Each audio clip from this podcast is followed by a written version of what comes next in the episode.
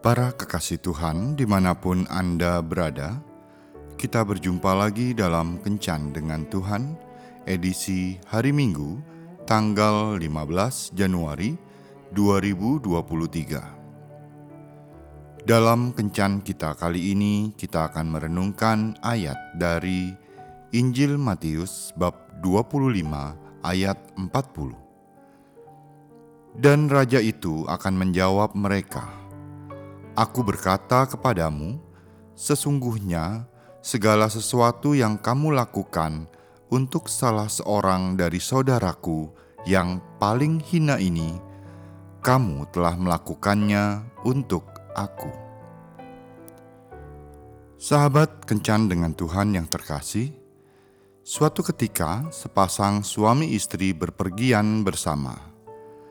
Ketika mereka dalam perjalanan pulang, mereka mampir ke sebuah toko roti. Sang suami membeli roti kesukaan istrinya, yaitu roti daging isi tiga. Sesudah membayar, mereka segera melanjutkan perjalanan pulang.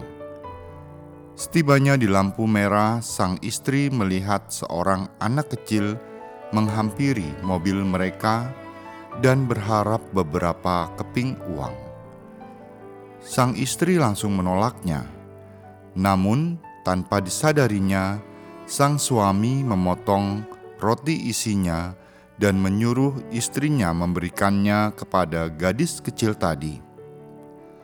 Langsung saja sang istri berteriak memanggilnya, dan anak itu kembali mendekat di mobil mereka.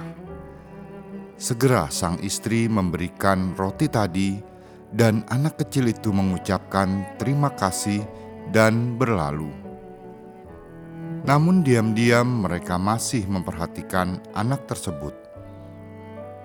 Anak itu menghampiri seorang ibu dengan pakaian lusuh dan memberikan setengah roti tersebut kepadanya sambil menunjuk mobil suami istri tersebut.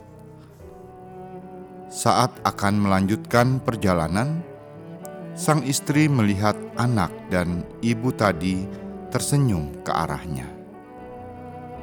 Sebenarnya, berbagi kasih tidaklah terlalu sulit.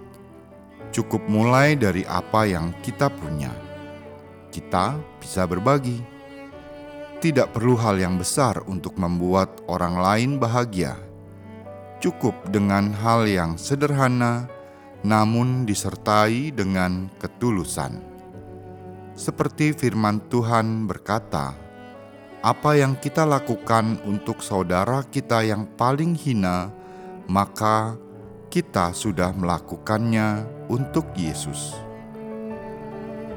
Jadi, di mana pun kita berada, entah di sekolah, di lingkungan kerja, di lingkungan pelayanan, bahkan di mana pun, mulailah menjadi berkat untuk orang lain maka kita akan melihat orang lain berbahagia dengan apa yang kita perbuat. Karena yang membuat kita menjadi orang hebat bukan karena kita melakukan hal-hal yang besar dan luar biasa, namun yang menjadikan kita hebat adalah di saat kita melakukan hal-hal yang kecil, namun dengan kasih yang besar.